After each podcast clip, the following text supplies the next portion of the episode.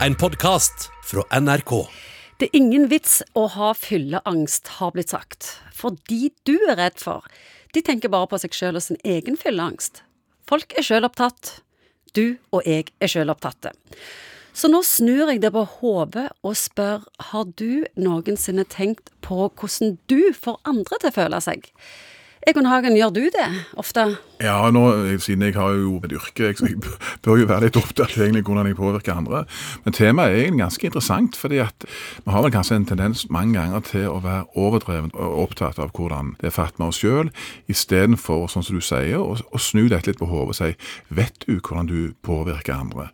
Og Spesielt hvis du har en jobb hvor du enten er leder, lærer, eller hvor du egentlig skal påvirke andre og bidra til andres utvikling, så er det jo vanvittig viktig at du trener deg på det vi kaller relasjonell kompetanse. Og det er litt det vi tangerer nå. Hvorfor tenker vi så ofte omvendt? Gjør det til det viktigste hvordan vi opplever andre? Ja, Det er jo mange som har kommet meg opp i år, hvor vi har endt opp med å si at tenk så deilig det hadde vært å glemt seg sjøl mer. Altså denne eh, negative egosentrismen. liksom Alt handler bare om hva folk syns om deg, om du er god nok, eller høy nok, eller vakker nok, eller flink nok. Tenk å få glemme det av og til.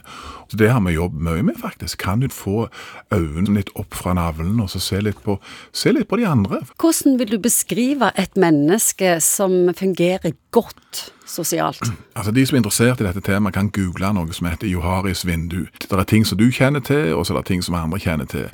Og Et godt utgangspunkt er hvis den delen av deg som både du er klar over, og de andre er klar over, er ganske store, så er du det vi kaller åpen, tilgjengelig, du spør andre, du har liksom lite å skjule. Men så er det noen som har et, et skjult vindu, men som de andre ser.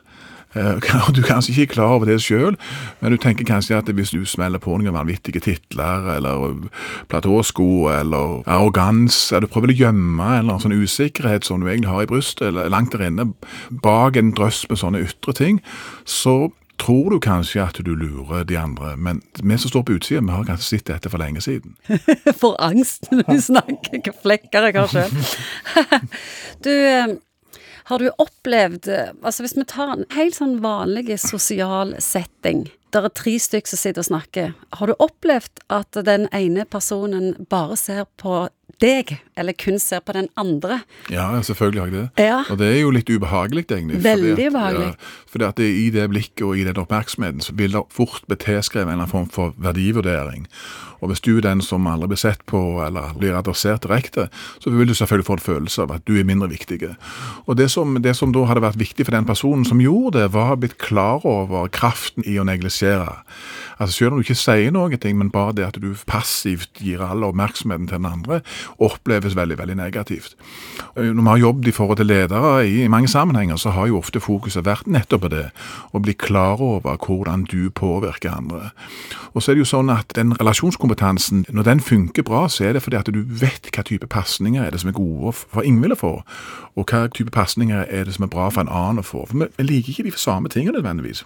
Og det å bli klar over hvordan du skal bruke deg sjøl som et instrument for å motivere eller hjelpe eller bygge andre, det er en liten livskunst, det, faktisk. Med disse vinduene som er skjulte for oss, er vi egentlig dårligere sosialt enn vi tror, hele gjengen?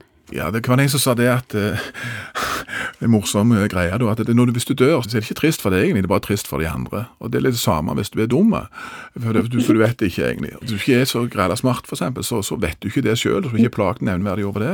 Men du kan regne med at en del andre rundt deg syns det er litt, uh, litt vanskelig. Går det an å si noe generelt om hva vi bør tenke på i møte med andre mennesker? Prøv å, prøve å glemme seg sjøl litt. Grann. Mange ganger så har sånn langt opp i livet så kan folk ha veldig sånn sjølhevdingsprosedyrer. At her gjelder det å framstå som kompetent og flink, og kanskje vinne sosiale situasjoner. Og da vil det perspektivet der, det vil farge situasjonene veldig mye. Du er en sånn en, se hvor flink jeg er, og hvor mye jeg kan, og alt dette. Og noe av det du taper, er selvfølgelig følsomheten i forhold til hvordan den andre har det, hva er det de er opptatt av, og hvordan påvirker din atferd andre. Så det går an å trene seg på det. Og så vet vi jo òg kroppsspråk og den type ting er enormt viktig, faktisk, i forhold til å signalisere altså, Det skal egentlig bare et, et smil på bussen noen ganger, sant? så kjenner du liksom at denne dagen her blir en litt bedre dag. Denne dagen ble berga, faktisk. Berga av det ja. smilet og den varmen som lå i det blikket. Det skal veldig lite til å få andre til å føle seg bra, egentlig. Ja, så hvorfor gå glipp av muligheten? Ja. Du har hørt en podkast fra NRK. Hør flere podkaster og din NRK-kanal i appen NRK Radio.